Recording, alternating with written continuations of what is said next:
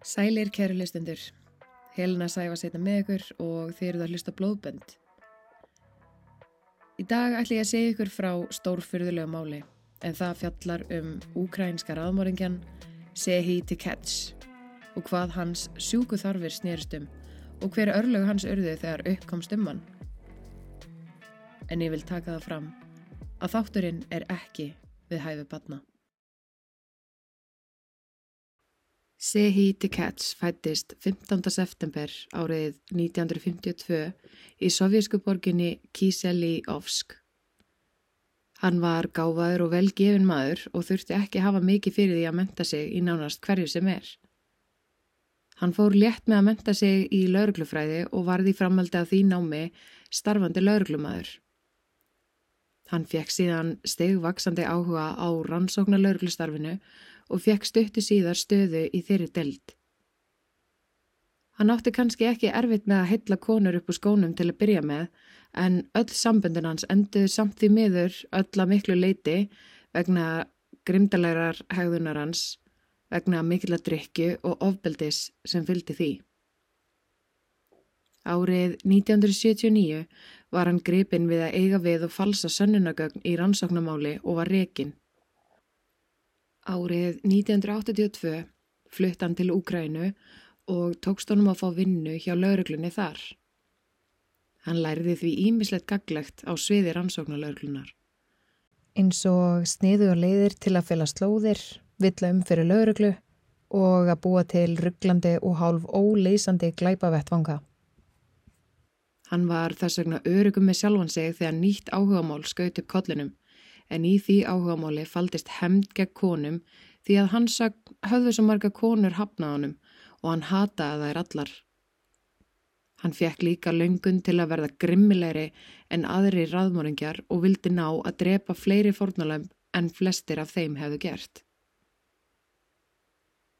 Stúlkur á aldrinum 8 ára til 18 ára byrjiðu reglulega að hverfa sporlaust og finnast kynferðislega meðsnótaðar og myrtar í austurhluta Úkrænu árið 1982.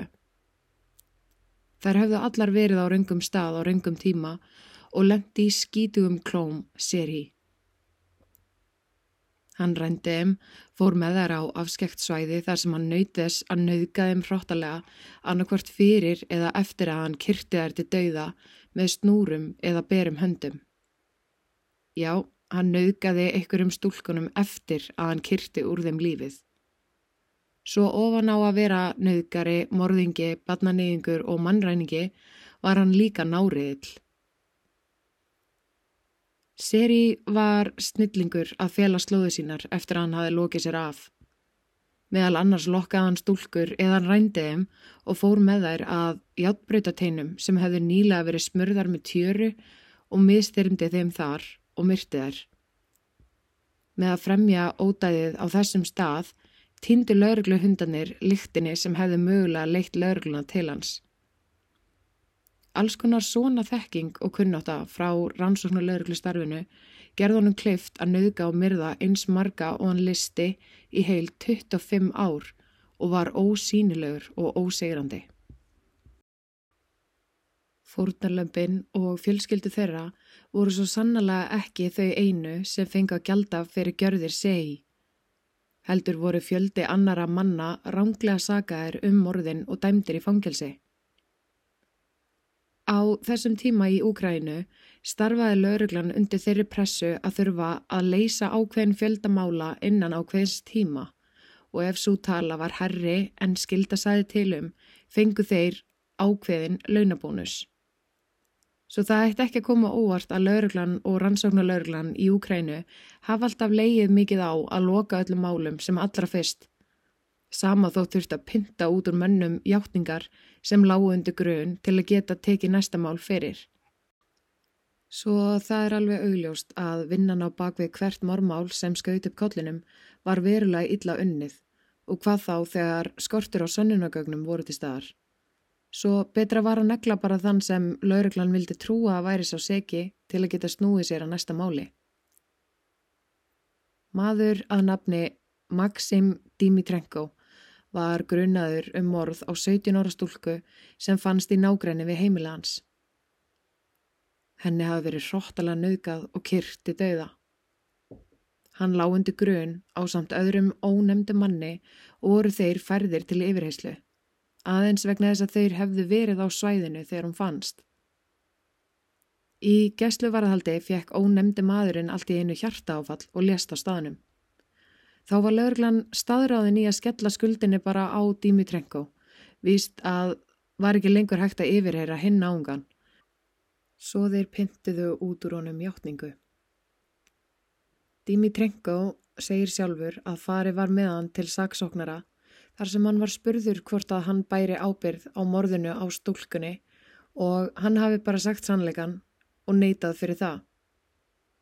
Þá var farið með hann beinustilegi fangaklefan aftur til að berja hann sundur og saman í marga daga til hann neittist til að játa á sig sökina.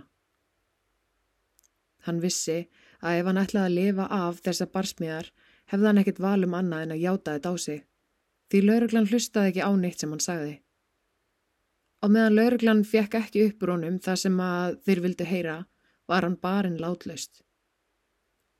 Eftir að hann játaði var hann dæmdur í lífstegar fangilsi og eitti næstu sex árum á bakvið lás og slá.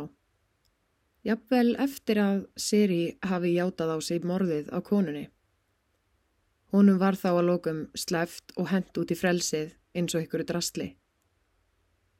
Annar maður sem var ránglega sagaður tók sitt eigi líf eftir að hafa verið dæmdur um morðið á einn dóttur og því miður sá hann enga leið aðra en að hengja sig í fangaklefanum þegar tækifæri gafst.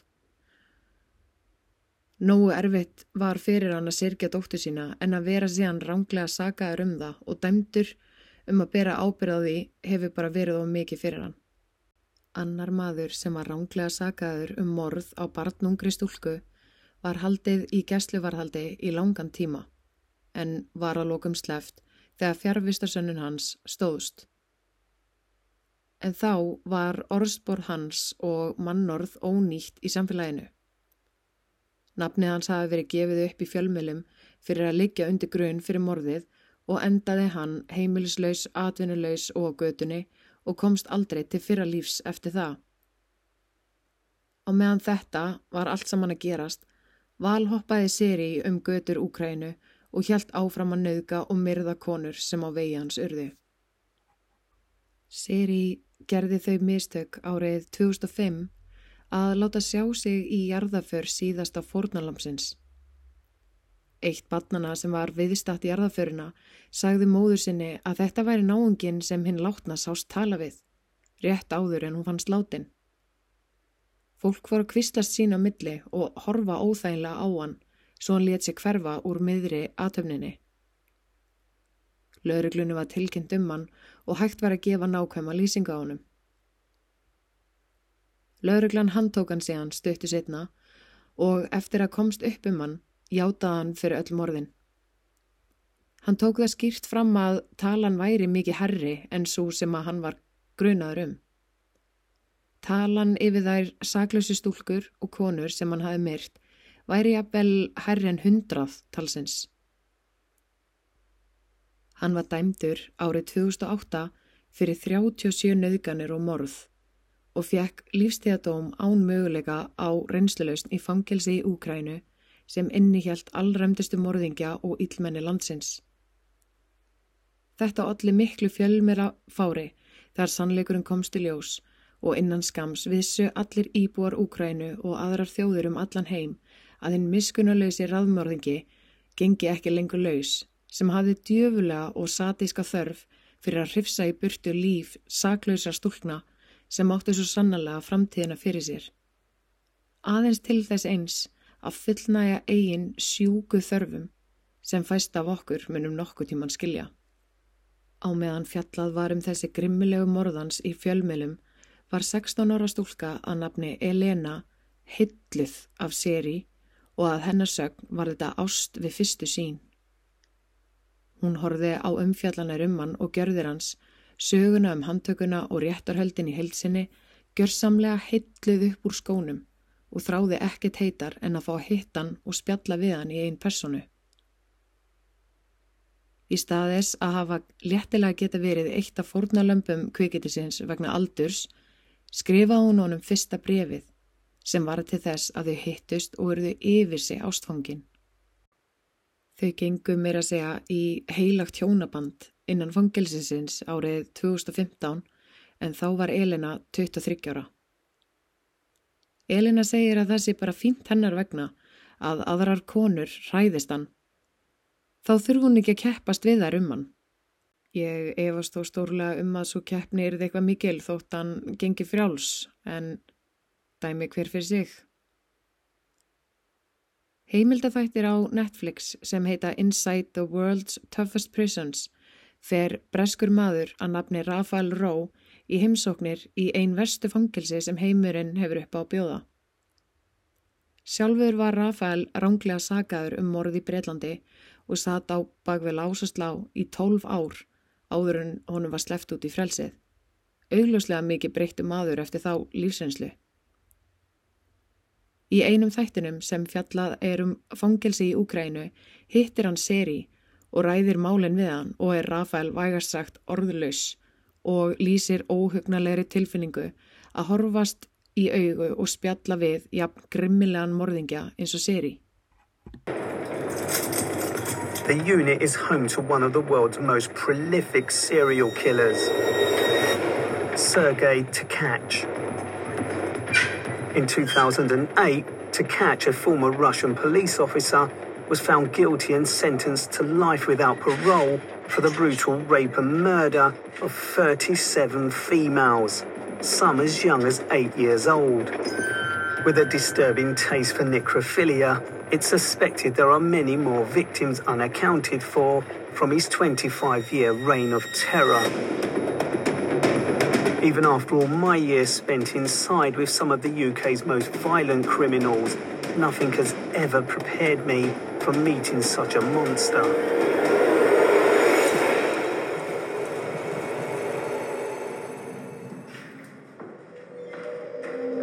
Rafael býður í herbyggi eftir að fangaverðir koma með seri í handjátnum og loka hann af í litlu búri þar sem Rafael byrjar á að bjóðunum að fá sér sæti. Hann verðist vera í þessu búri til að tryggja öryggi Rafaels á meðan viðtalinu stendur. Ef þið hafi ekki séð hennar þátt eða séð myndirnar af honum inn á Instagraminu og eru kannski búin að ímyndi ykkur eitthvað neginn hvernig þetta kvikindi geti litið út, þá mun það koma ykkur á óvart að hann er bara frekar krútlegur, lítill gammal kall með kvítt hár og rukkota húð og er óhugnarlega góðlegur í framann. Maður myndi frekar ímynda sér að hann liti út eins og Richard Ramírez eða einhvern veginn svipa djöfulegur, en nei, það er sko ekki hægt að sjá hann fyrir sér gera það sem hann gerði.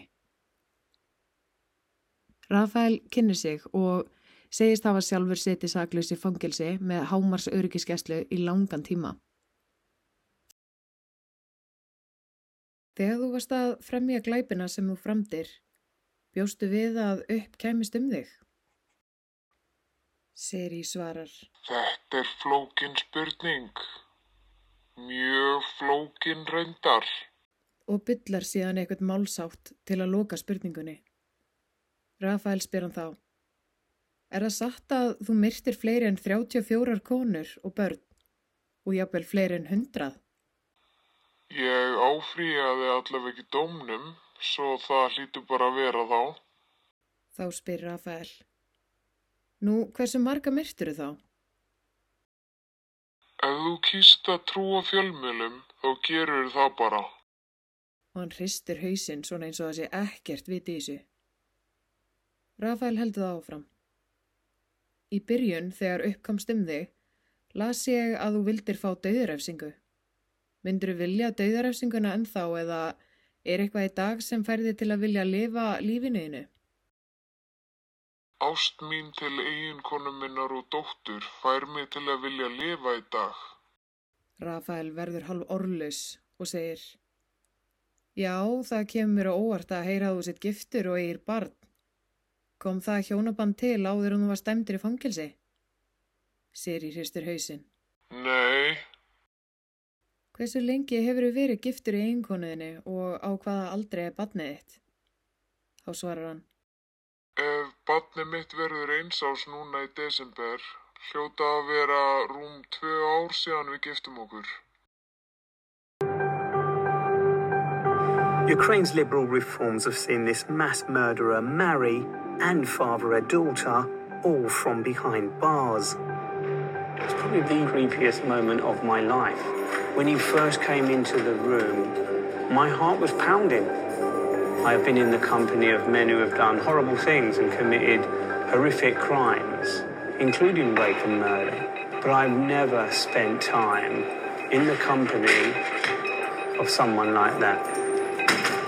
I was gobsmacked when he told me that he was now married to a woman, that he'd had a child with this woman just over a year ago. In two days' time, to catch his wife is coming to the prison for a conjugal visit. And I've been told he's invited me to meet her.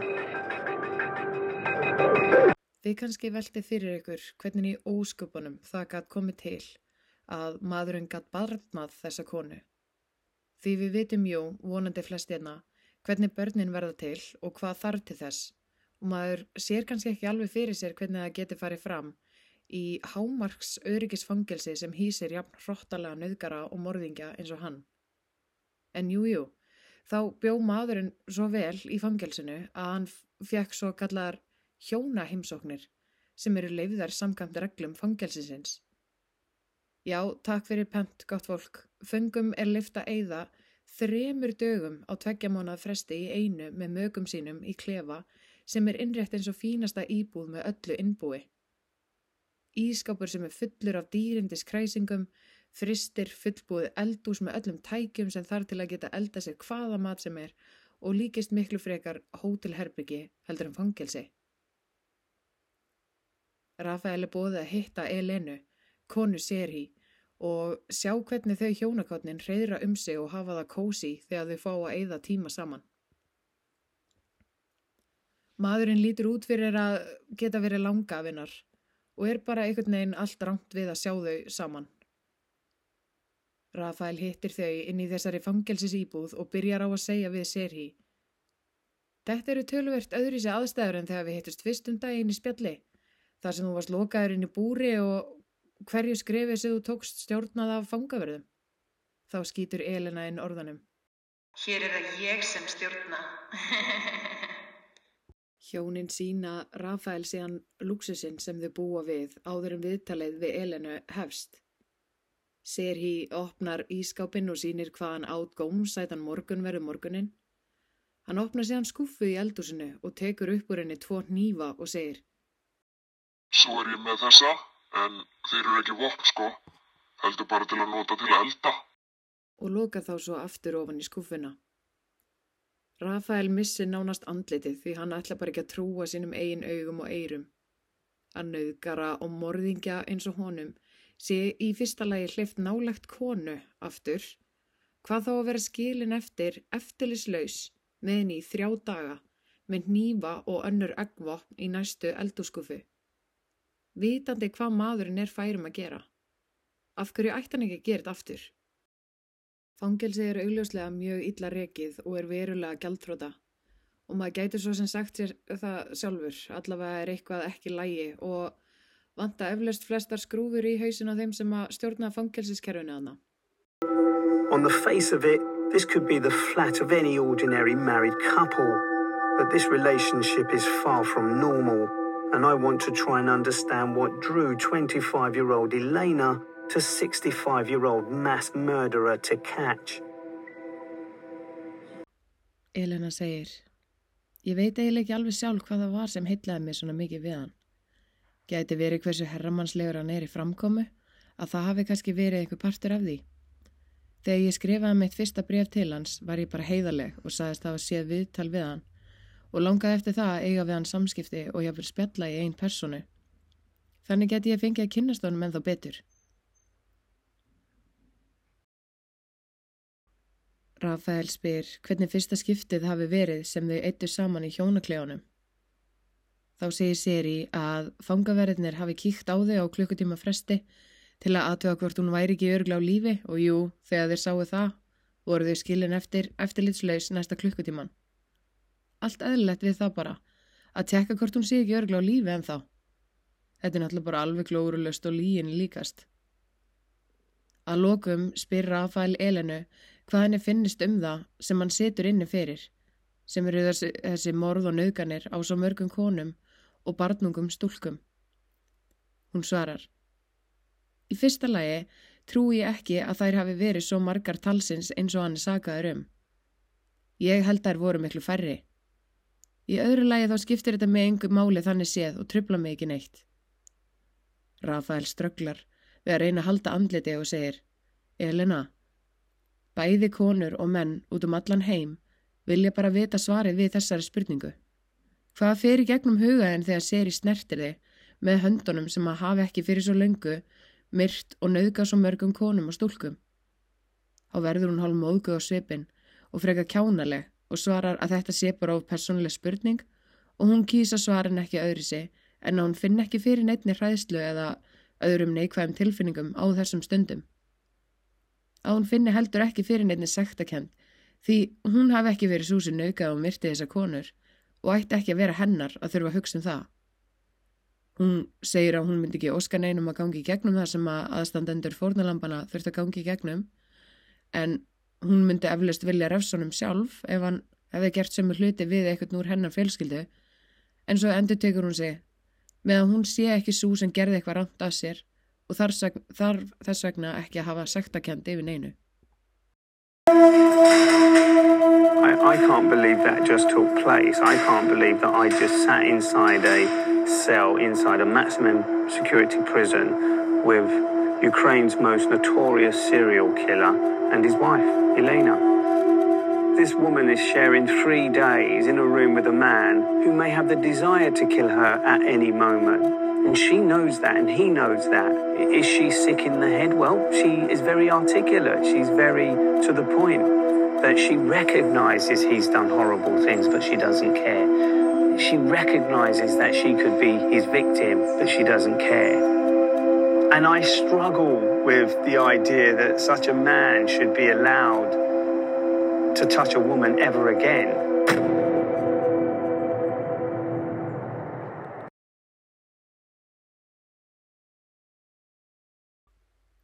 Elena hafði alltaf trú á því að hún fengi eigimannin sinn lausan úr fangelsi og þau gætu búið saman sem fullkominn fjölskylda í austurluta Rúslands.